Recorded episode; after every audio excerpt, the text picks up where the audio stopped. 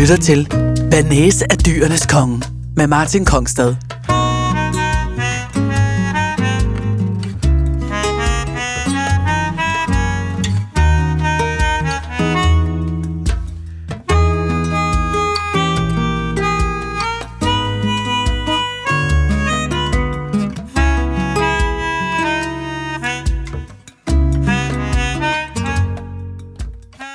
Velkommen til Banæs af Dyrenes Konge, og velkommen til Michelin Special. Søndag aften bliver det i Trondheim offentliggjort, hvilke restauranter, der i Norden får Michelin-stjerner i 2020. Jeg overvejede selvfølgelig at tage det op, men dels er det rasende dyrt, og dels blev jeg så skuffet sidste år i Aarhus, hvor ceremonien da fandt sted, at jeg lovede mig selv aldrig at spille mere tid på Michelin. Det bryder jeg så nu, men jeg tager dog ikke til Trondheim for at følge ceremonien. Jeg bliver siddende her i studiet. Det, jeg blev så sur over sidste år, var primært, at restaurant Frederiks Høj, Washim Halals mesterlige sted, ikke fik den anden stjerne.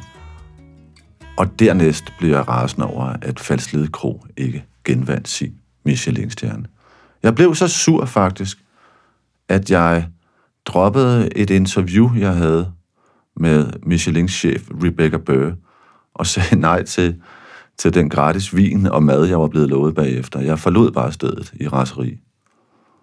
I år vil jeg endnu en gang gætte på, hvem jeg tror for Michelin-stjerner, men jeg har altså sat mine, mine forhåbninger ned, belært af tidligere år, hvor jeg har skudt langt, langt over målet, alene fordi jeg mener, at langt flere danske restauranter fortjener Michelin-stjerner.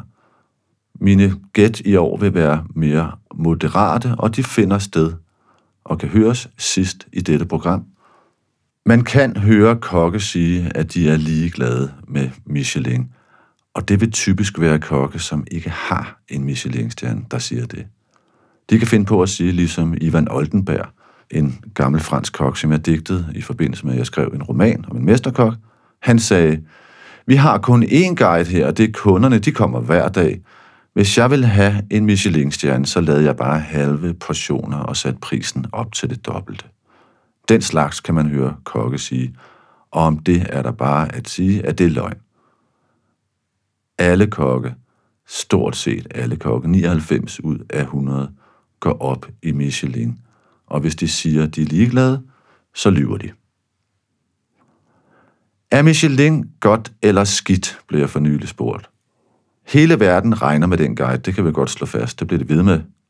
Vi har så få fælles holdepunkter tilbage i verden, og Michelin-guiden binder alle os sammen, som kan lide god mad. På den måde bliver der skabt et fællesskab, og derfor synes jeg faktisk, at Michelin-guiden er god. Jeg bruger den ikke selv i særlig høj grad. Jeg foretrækker, når jeg tager til byer, jeg ikke rigtig kender restaurantverdenen i, at forholde mig til lokale guider – som også vil være mere op på duberne end Michelin, som har en tendens til, synes jeg, at være en 5-10 år bagud. Men noget, man ikke kan tage fra Michelin, det er deres ubestikkelighed. Det er stadig utrolig svært at vide, om man har en prøvespiser siddende i restauranten. De er gode til at sløre sig. Og så synes jeg også, at de holder sig fint væk, hvis vi taler om det, der hedder armslængde-princippet. Mange guides og mange madanmeldere, som jeg for eksempel, er syltet ind i mesterkokkene, fordi de miljøer trods alt er ret små, og man mødes til alt muligt, fra vinsmagninger til winemakers dinners. Michelin har altid sørget for at holde den armslængde, og det kan man da rose dem for. Hvad er egentlig den guide? Altså, den blev lavet for cirka 120 år siden. De to brødre Michelin, som lavede dæk, det gør de jo stadigvæk, sad og grublede over, hvordan de kunne få flere mennesker til at køre i deres biler, så dækkene kunne blive slidt, og de dermed havde brug for at købe nogle nye dæk, altså hvordan de kunne øge deres omsætning.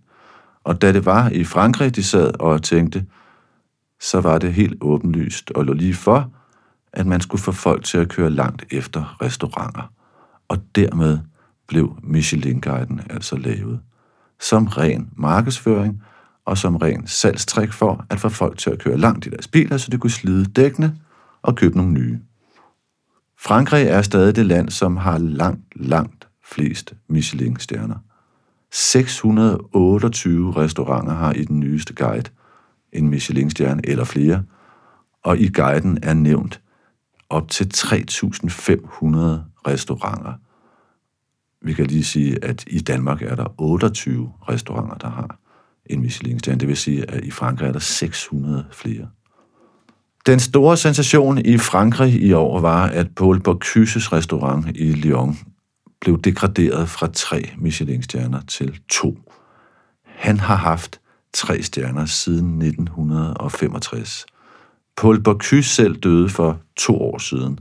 Han har ikke selv været i det køkken og lavet mad i mange, mange år. Og de retter, man har lavet derude og stadig laver, er faktisk nogenlunde de samme retter, som man lavede i 1965.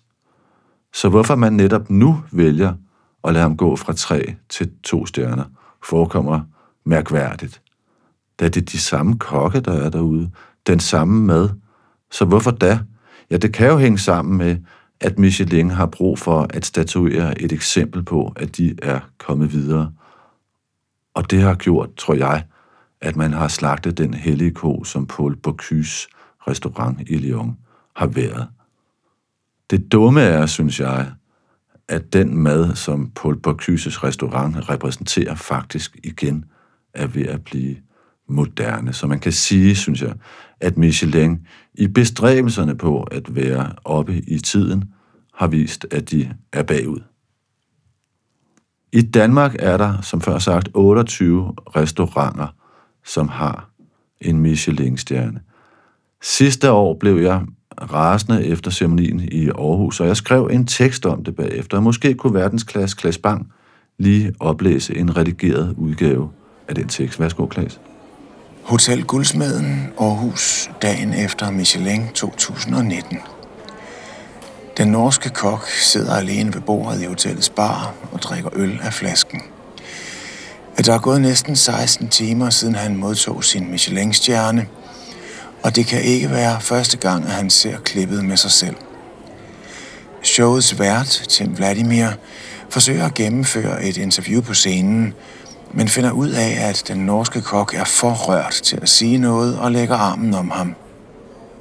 Der er et eller andet over den norske kok, som minder mig om sidder på et værtshus i Bjarne Lillers version. Luften omkring ham er opholdsvær, han hænger i skuldrene, Øjnene er døde som en hejs.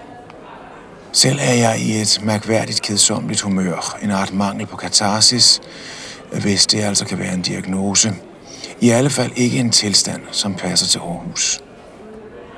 Jeg er cyklet over til Jægergårdsgadekvarteret for at se noget andet end latinerkvarterets konfitte kanar. Det er måske også for voldsomt at tage sådan på vej. Og desuden kan jeg da gennemskue, at Michelin er ren markedsføring – jeg brugte ikke Michelins guide, da jeg var i Frankrig for nylig. Alt for tung i røven. Alene det faktum, at restaurant Chateaubriand, som regnes for stamcellen til bistronomibølgen, den største omvæltning i fransk gastronomi siden Nouvelle Cuisine i 60'erne, var 12 år om at få sin stjerne, diskvalificerer guiden. Jeg spiste der i sidste måned. Blæksprutteretten med sort vintertrøffel og porre vinaigrette kan jeg stadig smage. Den hvide Alsace fra Julien Meyer, æggeblommen, som havde krystalliseret et støjn i sirup og eksploderet i munden. Samme anke kunne rejses i tilfældet Noma.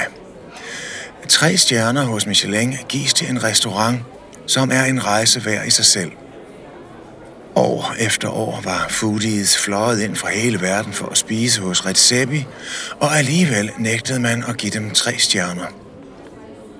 Jeg spiste på et stjernet Prærial i Lyon for tre uger siden, og det har altid hedet, at man kom nemmere til stjernerne i Frankrig. Millefeuille er selleri, som voksede i munden, jomfruhummer med skalrester, og bøffen var selvdød. På tostjernet Takao Takano kædede jeg mig så grumt, at jeg gav mig til at lege Michelin-inspektør. Holdt em sit øje med krummerne på bordet, krøllede servietten og lagde den grimt på stolesædet, før jeg gik på toilettet. Den lå der stadig, da jeg kom tilbage. Kæld dommage. Kriseretten ville ikke have klaret sig på den københavnske mellemscene, og desserten var så parfumeret, at det føltes som at stå fastklemt mellem to pyntesyge bedstemødre på vej til middag i Lions Club. Der findes langt bedre guides end Michelin, men ingen har myterne med sig som de. Den vemmeligste og mest vidtrækkende er den om Bernard Loiseau, en træstjernet gigant i højere fransk gastronomi, som læste i Le Figaro, at hans tredje stjerne var på vippen og skød sig selv i februar 2003. Og så er der alle historierne om inspektørerne. De spiser angiveligt på 250 restauranter årligt, rapporterer i et schema om råvarer, tilberedninger, service og indretning, og må ikke, siges det, fortælle familien, hvad de laver. Tidligere blev værvet udført af en anonym engelsk gentleman. I dag er det så vidt vides bredere fordelt. Inspektørerne bruger selvfølgelig ikke deres eget navn. En dansk Michelin-kok fortalte mig, at en af inspektørerne brugte dæknavnen fra tv-serien Sex and the City og viste mig tre af fire ark i plastikchartek med lister over inspektører samt deres telefonnummer og mails.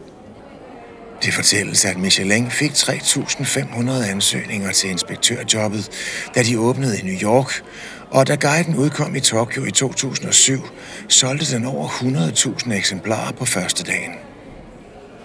Herhjemme var Jan Pedersens La Cocotte på Hotel Richmond, og Kong Hans de første til at få en stjerne i 1983, og i 2016 udvidede Michelin forretningsmodellen til Aarhus og indyndede sig ved at tildele tre restauranter en stjerne. Der tales meget om Aarhus som gourmetby disse år, og det minder om det mantra, som Latterforeningen i sin tid havde. Simulated, stimulated laughter. Man tvang sig selv til at grine og blev ved, og på et tidspunkt virkede det. Der sker bestemt noget i Aarhus. På Domestic nørder de seriøst med egne mælkeprodukter, skinker og øl. Gastromé er kapabel sølvrød light, men man skal stadig se sig godt om for at finde noget kvalificeret en tirsdag aften. Jeg finder Pondus, som er bistro-lillebror til Michelin-stjernet Substans, og sætter cyklen i gang. Graven, Klostergade, Grønnegade ned mod åen, og jeg kigger ned ad sidegaderne på vejen, og jeg smiler. Det juler altid i Aarhus. Jeg er kommet til at holde meget af byen de senere år. Den lige fremme sødme. En kok overstråler alle i byen. Wasim Halal ude på Frederikshøj. Man har en Porsche til at hente gæsterne i, og maden er uhørt luksuriøs, eksplosivt velsmagende og så dekorativ, at den kunne vinde designpriser. Jeg var sikker på, at Wasim ville få sin anden stjerne i 2018. Kæftede op om det i alle tænkelige medier og satte en tusse på det. Den gav 0 igen. Wasim Halal måtte forlade Rådhushallen i København med sorte øjne. Det var smerteligt at overvære. Men i år måtte den være der, for man kunne vel ikke henlægge ceremonien til Halals hjemby og forbigå ham igen. Der er pænt besøgt på Pondus, men to ledige boer. Så vidt, så godt. Øh, det er bare mig, siger jeg. Ja, smiler den søde tjenerpige. Køkkenet er lukket. Ja, den er fem minutter over otte, siger jeg. Ja, desværre, siger hun. Der var overraskende god plads i musikhusets sal. Ja, to tredjedel af salen var tom, vil jeg tro. Og på scenen gjorde Tim Vladimir sit bedste for at få pumpet liv i begivenheden. Der var stille derinde. Jeg har ikke hørt en sal så død og tavs, siden jeg kom for skade og hørte Chicoria i Tivolis koncertsal i 1988. Det eneste spor af liv var, da salen sang fødselsdagssang for Rasmus Kofods datter. Det blev en dødssyg aften for dansk gastronomi. En ny stjerne til Alouette på Amager, to fejet til Noma, en driftig trio bestående af Aarhus Kommune, Region Midtjylland og Visit Aarhus brugte penge og kræfter på at hylde Michelins brand og sig selv, sagde hunden, og de fik en fest, men byens store kok, Wasim, blev forbigået igen. Man brugte en million på at blive pisset op og ned af ryggen.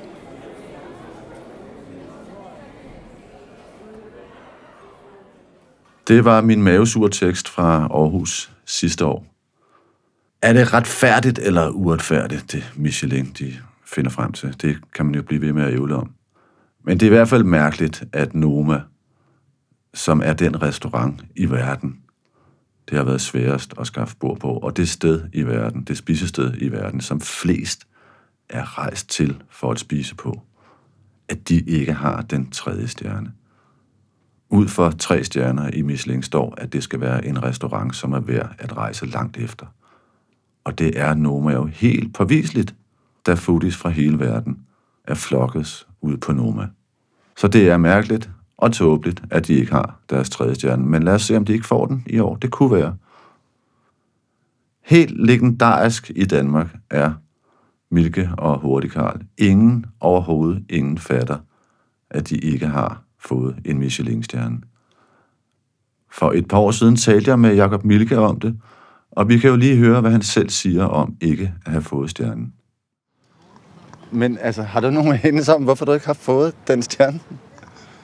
Jeg har haft den her samtale. Jamen, det ved jeg godt, det er derfor, jeg sagde, det var skide irriterende. Jamen, du, nu tager Nej, du det, det, sidste jamen, det, er, det er ikke... Og det er for det første ikke sidste gang. Okay, okay. Øhm, Øhm, men, nej, det er det øh, nok ikke. Men hvis jeg nu også skal have det sjovt, så skal man jo altid prøve at finde øh, en ny analogi hver gang. Ja. Øh, hvad skal vi vælge i dag? Prøv, prøv. Øh, Du må ikke vælge en, for så er det jo en gammel. nej, den her den er ny. Den er ny. Okay. Øh, da, jeg, da jeg var knægt, der var jeg rigtig god til at svømme. Mm. Øh, gik til sådan noget konkurrencesvømning. Øh, og jeg var vild med det. Og jeg tror faktisk også, jeg var ret dygtig til det. Jeg fik i hvert fald nogle gange medaljer for at svømme. Øh, jeg har nogen i crawl. Det var noget af det, jeg rigtig godt kunne lide. Ikke? Brænde mm. mig selv af i crawl.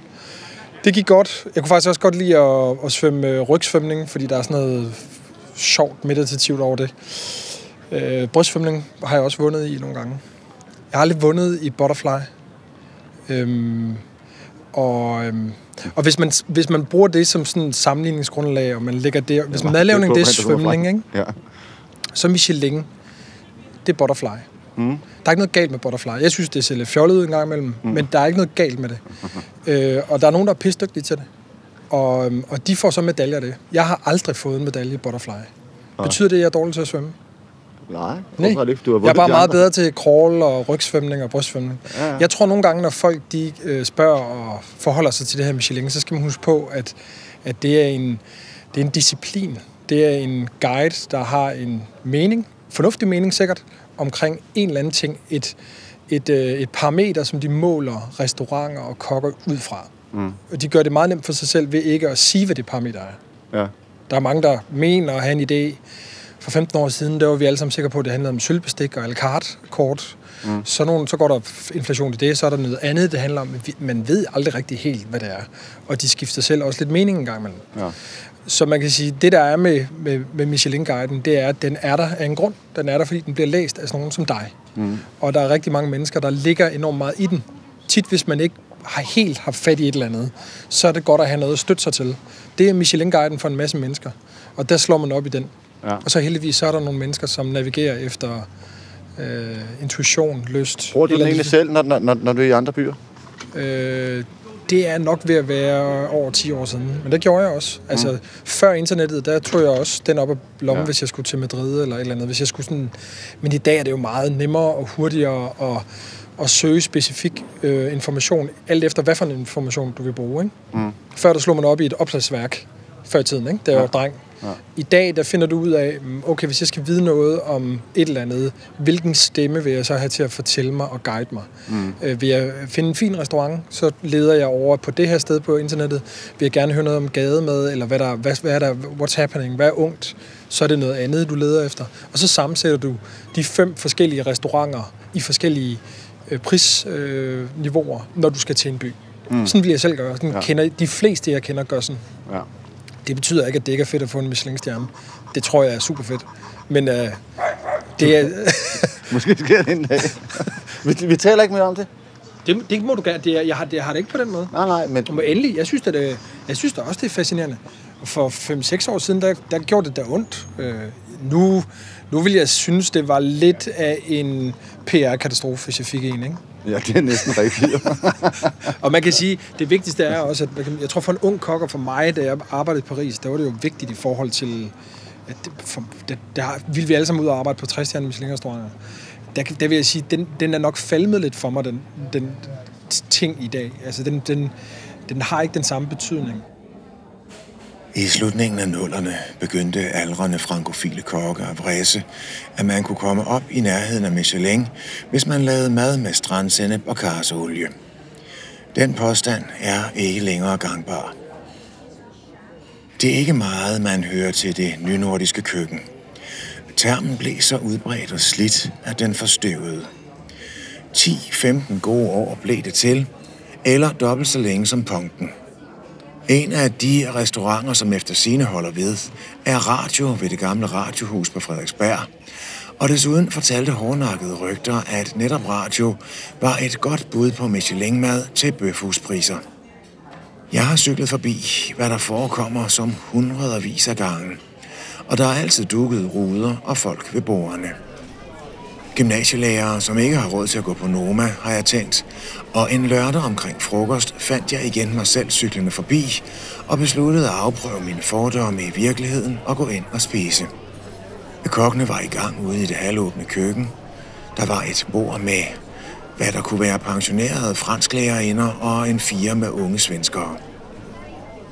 Jeg har før slået et slag for marginale spisetider, og lørdag frokost er en favorit. Holdet er på plads for at bakke op til aften, og der er som regel ikke det store rand af gæster, og derfor tid til at kredse for kunderne. Det holdt stik på radio, og men jeg tror, de leverer varen til alle tider.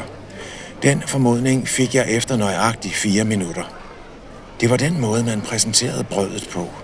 Det var bagt rundt og skåret i pænt ensartede skiver, og det rørte smør stod i en nydeligt svungen top ved siden af.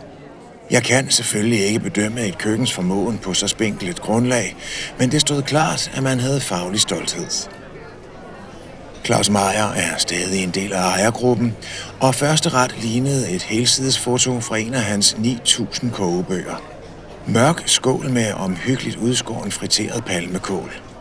Nogle kokke kan få sådan en samling kålstrimler til at se dekorativ og appetitlig ud, og nøjagtigt sådan en kok har de gående.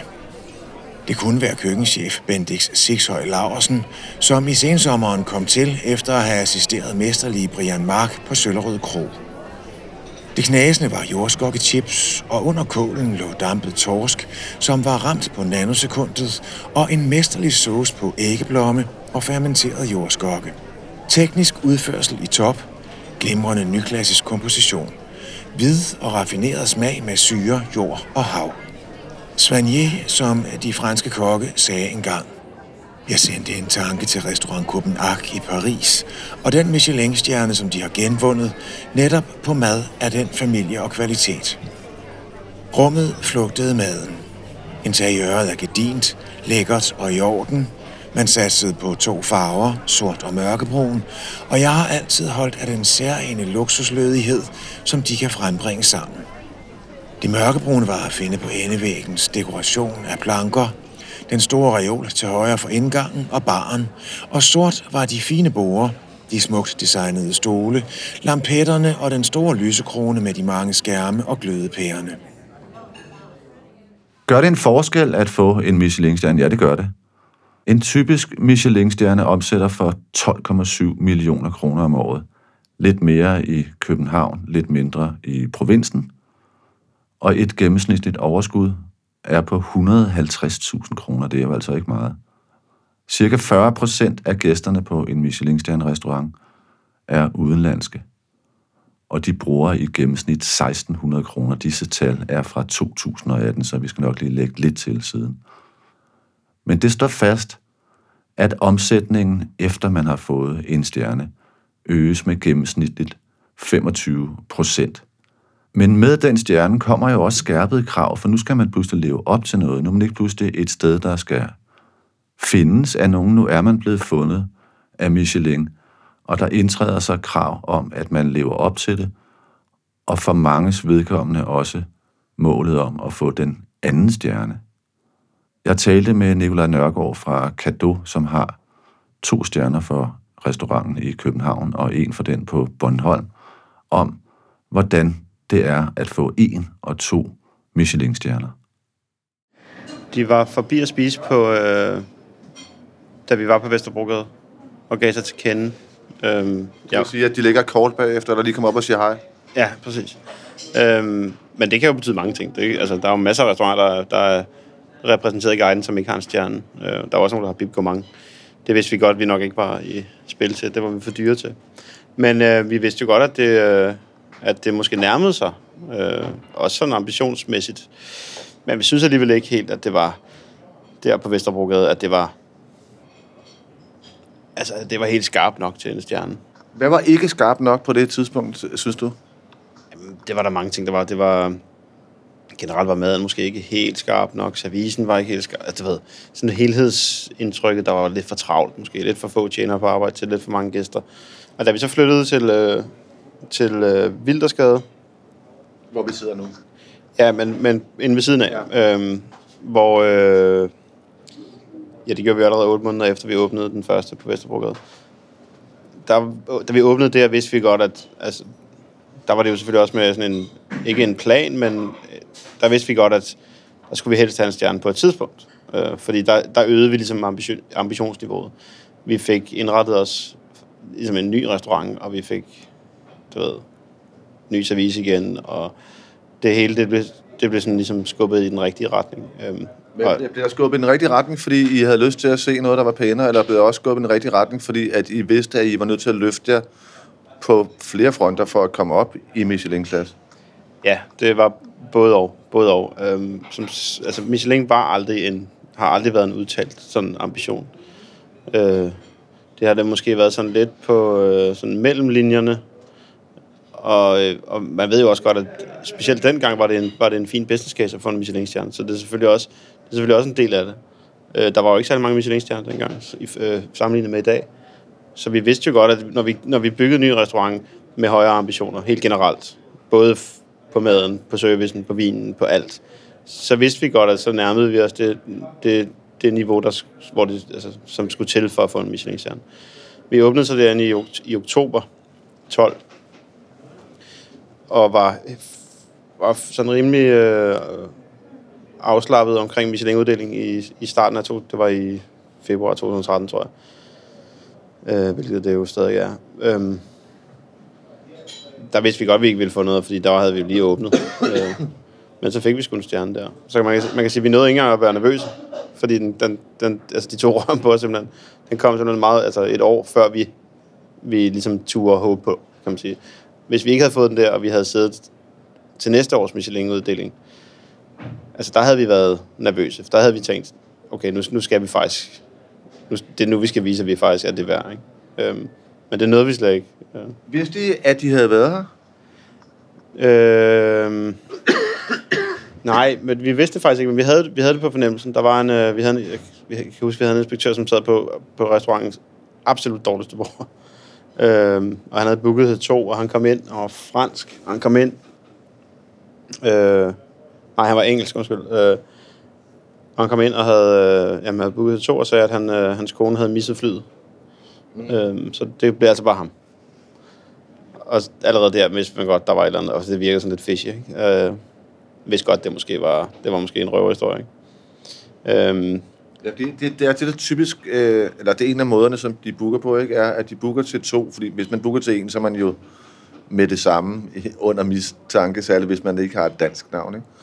Men så det, de gør, øh, er meget tit, at de booker til et par, eller til to mennesker, og så er der noget med, at den ene er blevet dårlig, og så kommer kun, der dukker kun den ene frem, ikke? Ja. Det, altså, man kan sige, den, den, den, den måde, det foregik på dengang, var meget sådan. Øhm, man kunne godt sådan, hvis man kiggede reservationsbogen igennem, så kunne man godt sådan, det var lettere ligesom at, at udpege mistænkelige bord. Øhm, hvad kunne indikere, at de var det? det kunne være et engelsk navn. Øh, sådan et klassisk engelsk navn. Øh, Henry James. For eksempel, ja.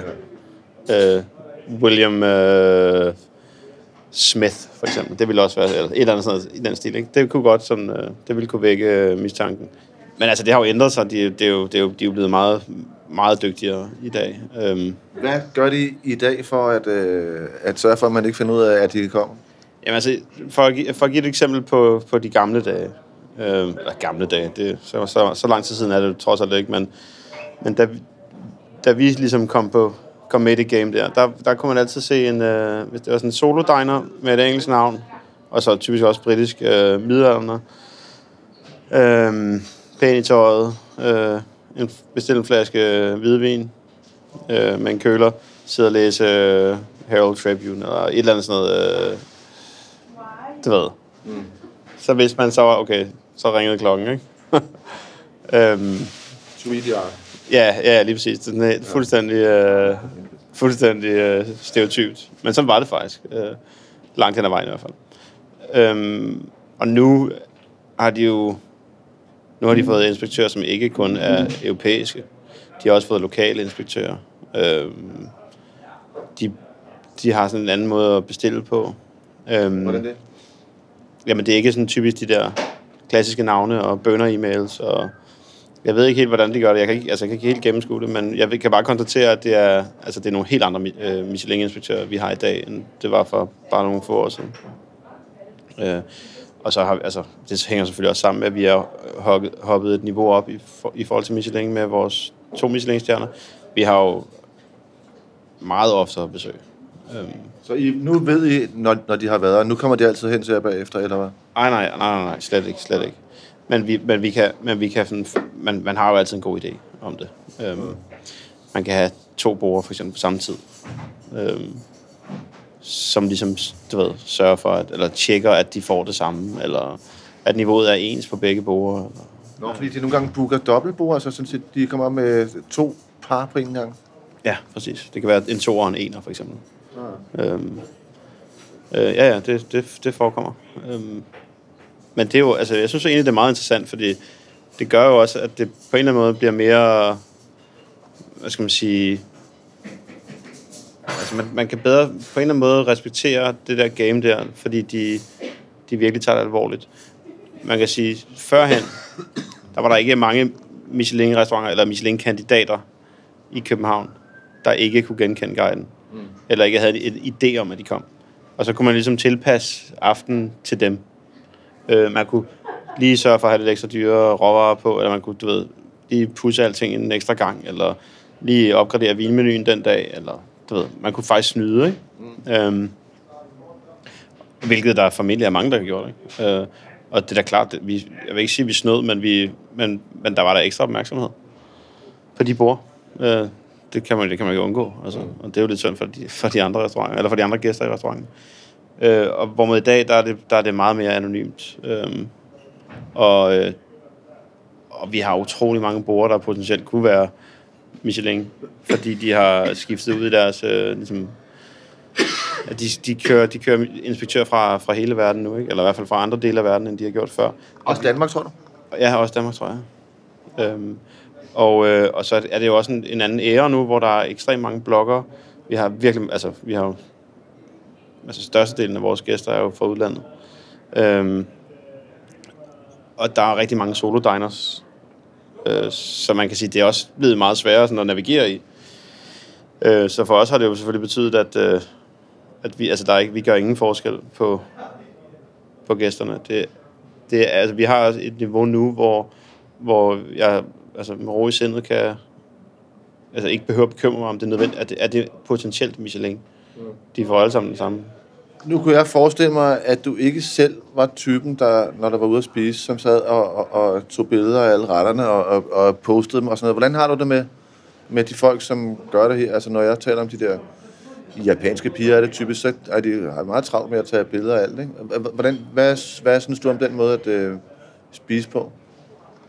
Øhm, altså, jeg tager, jeg tager selv billeder af maden. Øhm, nogle gange har jeg mit kamera med. Det er sjældent. Øh, men jeg tager altid billeder, et hurtigt billede med telefonen. Og det gør jeg lige så meget for at kunne huske det. Øh, og nogle gange poster jeg et billede, det, er- men det er ikke så tit. Ved jeg, det, men det, det, er noget, det er noget andet. Jeg kan ikke meget godt lide, at det, er- det er fint, at folk tager billeder.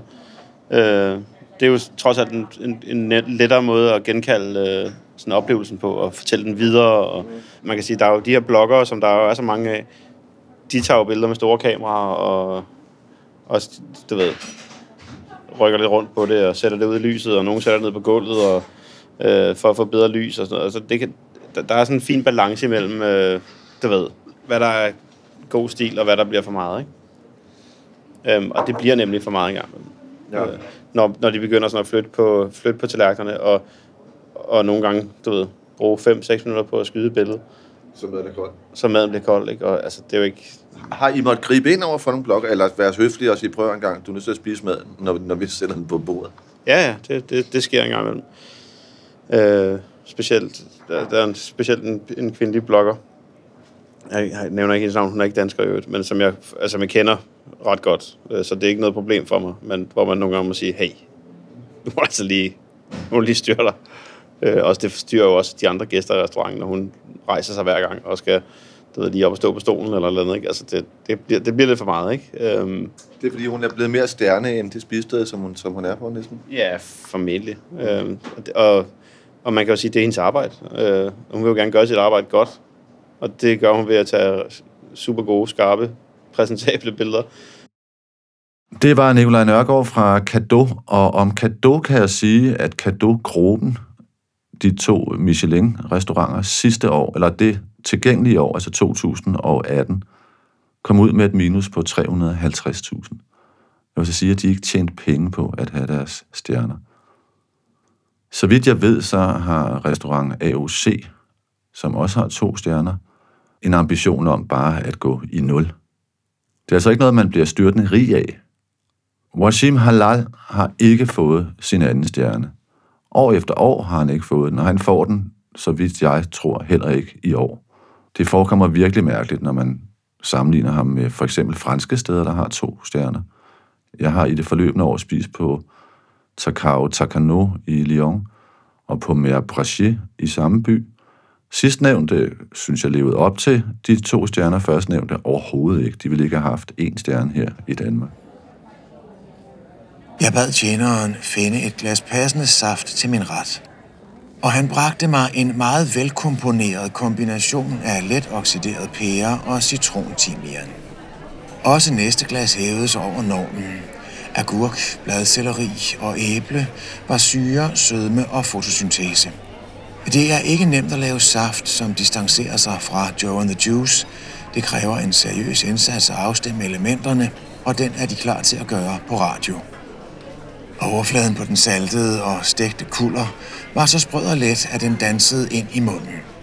En fin lille filet, flankeret af perleløgsskaller med fyld af sort med hvidløg og persilleolie, og er der accentuerede køkkenet sin store klassiske grundkunde med eksemplarisk veludført og cremet sauce på fermenteret knoldselleri, brændt fløde og fiskeben. Moderne bistromad, som ville skabe køer i det 10. arrondissement. Man havde ikke i sinde at afvige fra det snorlige. Desserten var en køn kub is af boghvede og svampe, og retten som helhed en hyldest til det anisprægede med rødbede, som var rehydreret med saft af lavendel og lakridsrod, samt kamillemarengs og lakridspulver. Saften af rødbede og kamille havde det glimrende. Jeg gik på radio med en sæk fordomme og kom afklaret og smilende ud. Konklusion. Jeg spiste tre retter til frokost på radio, og det var ren limousinekørsel.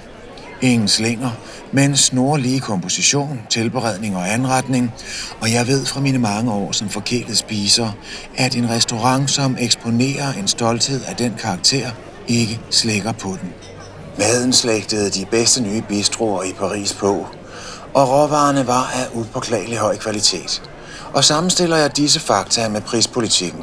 Øh, Tre retter til aften koster 350 kroner, fem retter står i 435 kroner, og den store pakke med champagne, syv retter med vin, kaffe, petit four, den koster 1395 kroner. Sammenstiller jeg alle disse fakta, så kan det kun blive en varm anbefaling herfra.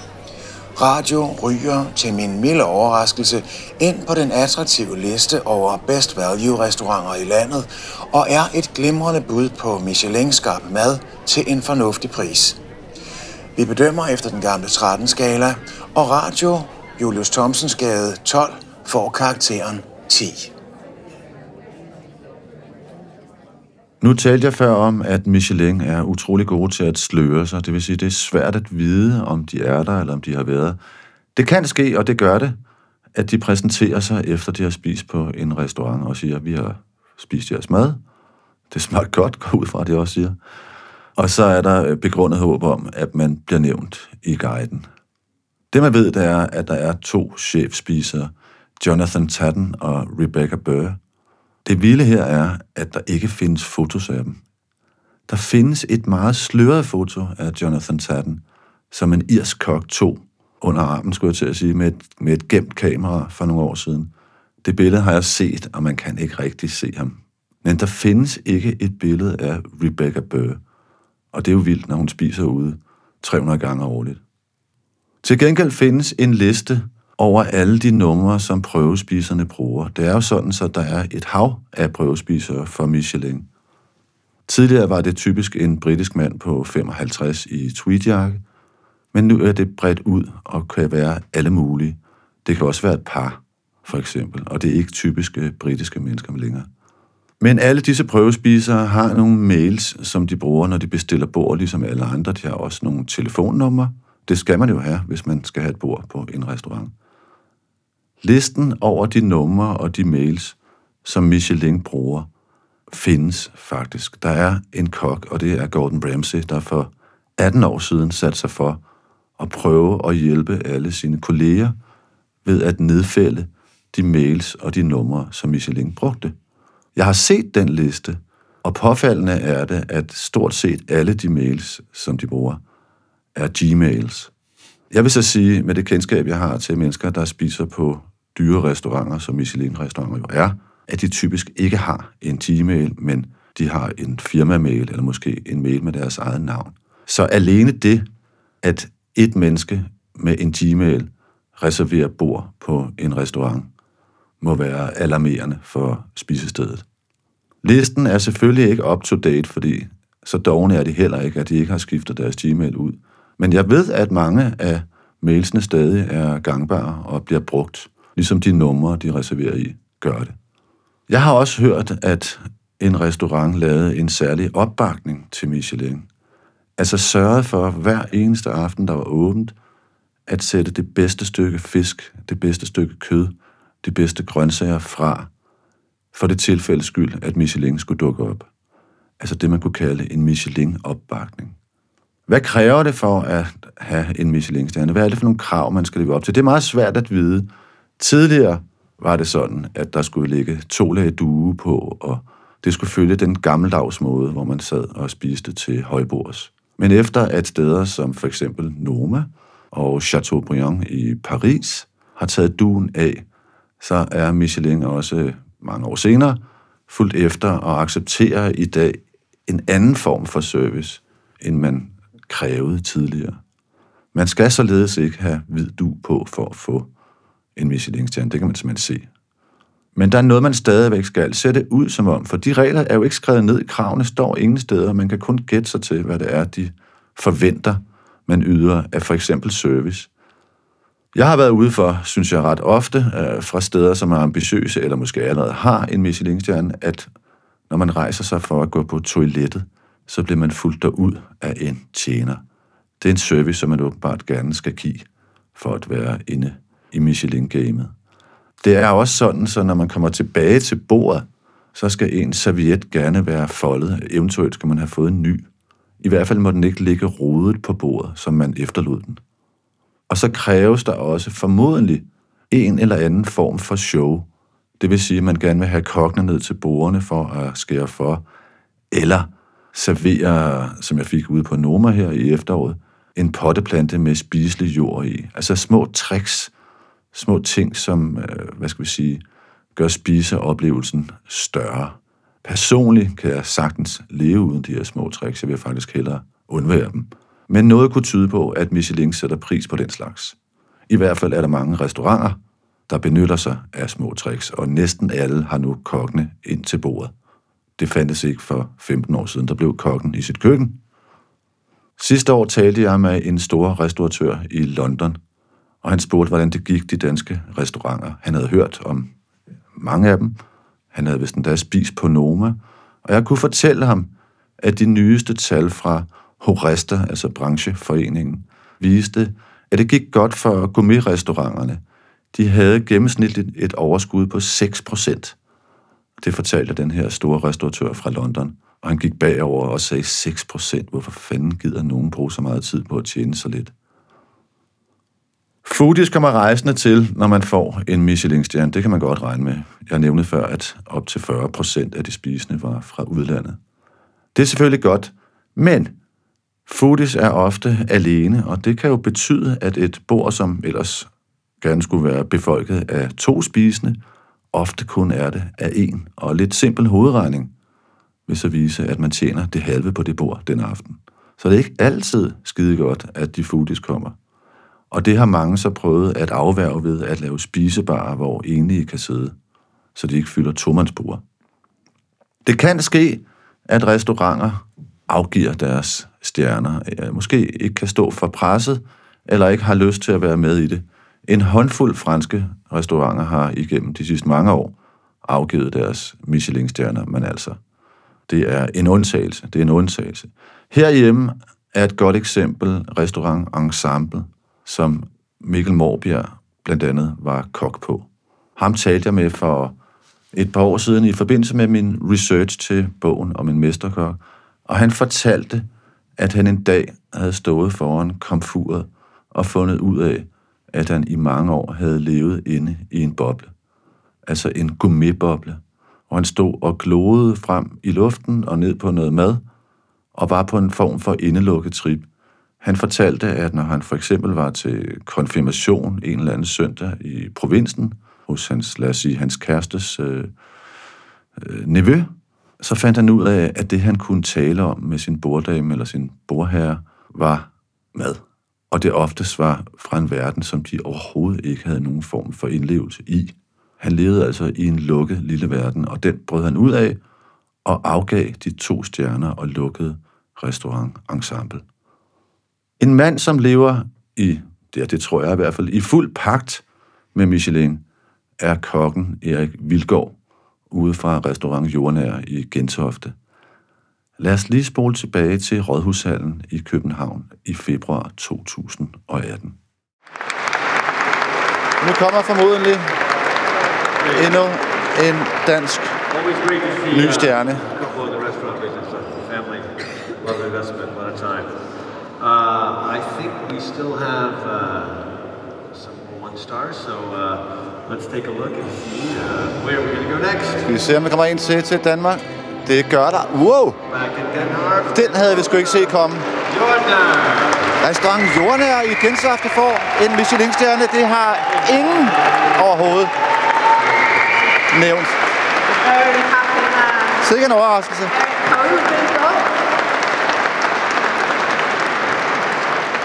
that you'll want to watch for the future. What's that like? amazing. And, you know, I'm speechless right now. So everything is due to my wife, to be honest.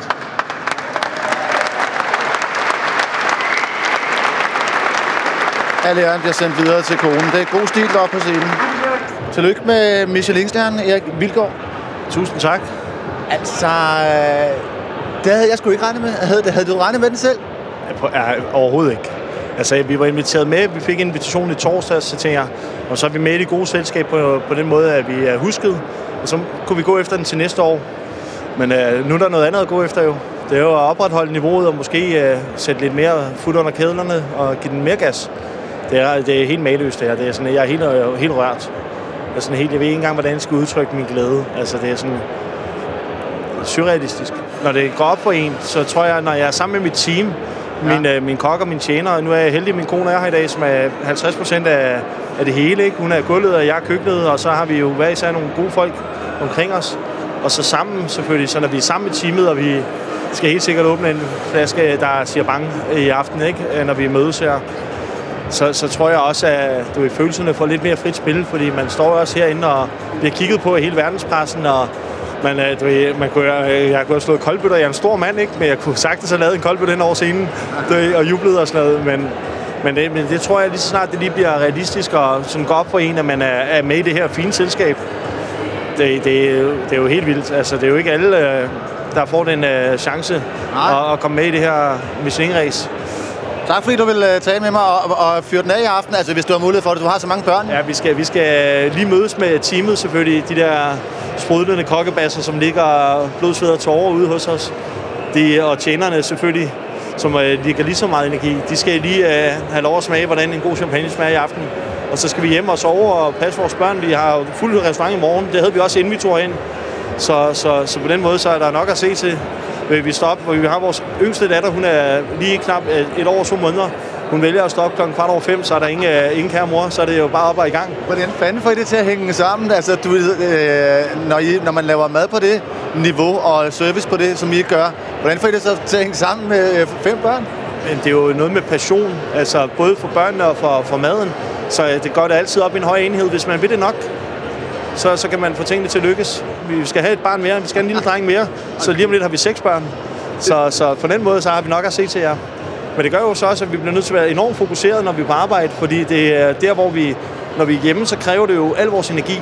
Altså, det er jo ingen tvivl om, at det, det er jo hårdt på sin egen måde, men det er jo også meget givende. Det er jo også det, der er inspirerende til at ville skabe noget for altså restaurantmæssigt, en forretning, som er sund og kan betale nogle skirejser øh, og, og gøre, at børnene har noget at være stolte af.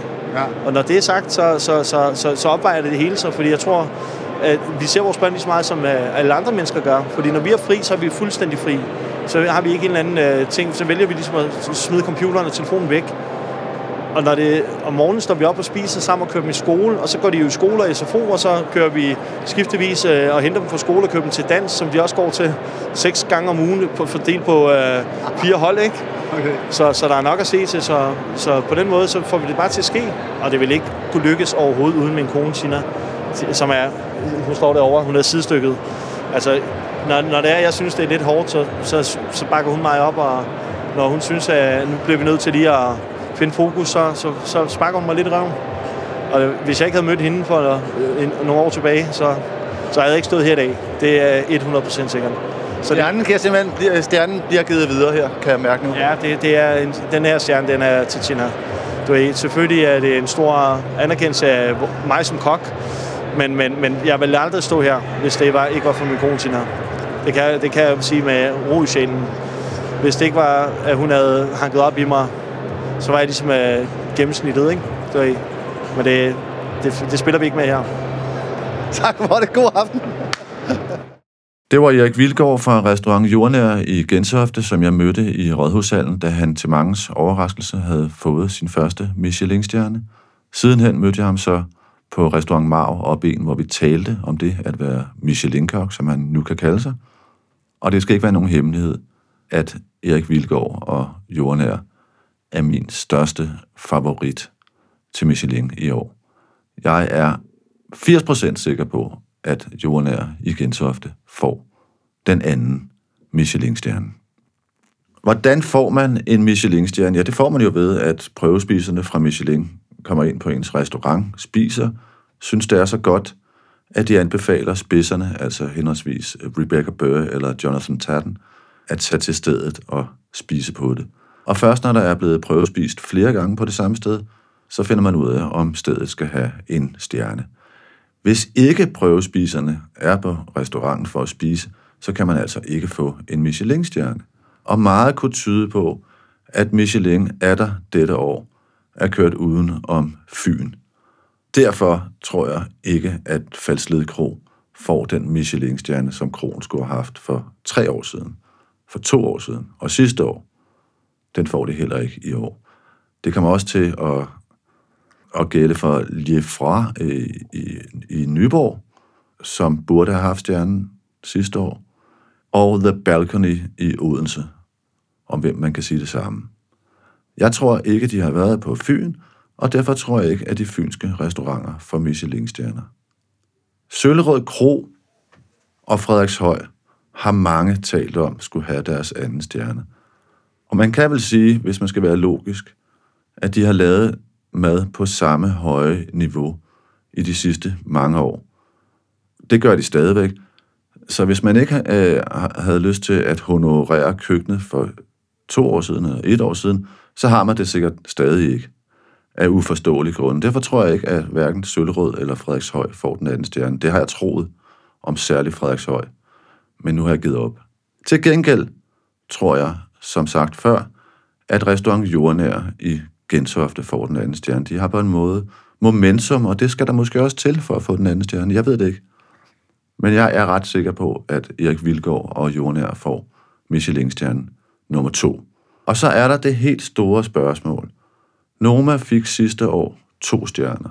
Spørgsmålet er, om de får deres tredje i år. Det er jo helt tåbeligt, at det overhovedet skal være et spørgsmål, for selvfølgelig skal Noma have tre stjerner. Det, der kunne tale imod det, hvis man ser med Michelin-briller, er, at de har dobbelt seating om aftenen. Det, der alligevel skulle tale for det, er, at jeg har været der, og det fungerer glimrende med den dobbelt seating. Man har masser af tid, så hvis de har været der og spise, hvilket de helt sikkert har, så burde det ikke være problematisk, at man har dobbelt seating hos Noma.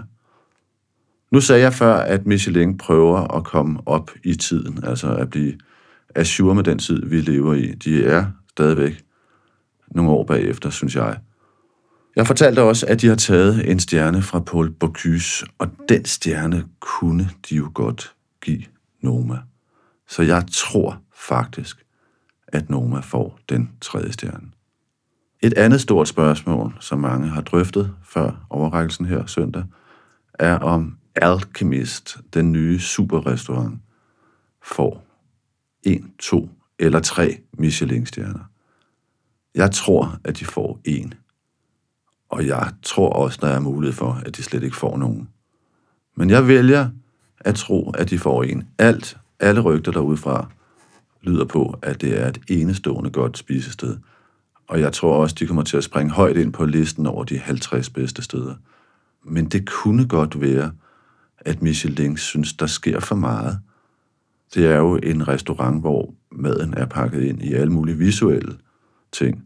Og måske er det stadig for langt fra, hvordan Michelin synes, en restaurantoplevelse skal være. Alligevel tror jeg ikke, de kan komme udenom Alchemist, og jeg tror, de får en stjerne. Jeg tror også, at den nye sushi-restaurant i Nordhavn, Anapa, får den første Michelin-stjerne. De har ikke dem særlig længe. Jeg har ikke været der, men øh, alt, hvad jeg hører, er, at de tager sushi til et helt nyt niveau. Og hvis Michelin har været og spist der, og det lyder rygterne, at de har, så tror jeg, at de får en Michelin-stjerne. Lad mig lige opsummere. Jeg er næsten sikker på, at Jordnær får den anden Michelin-stjerne. Jeg er også ret sikker på, at sushi-stedet Anapa i Nordhavn får en Michelin-stjerne. Jeg er derimod ikke helt sikker på, at Noma får den tredje stjerne. Jeg er 60% for, og jeg er 40% imod. Og så tror jeg, at Alchemist får en Michelin-stjerne. Det er de fire steder, jeg tror bliver begunstiget af Michelin i år. Men det finder vi alt sammen ud af søndag aften i Tronhjem.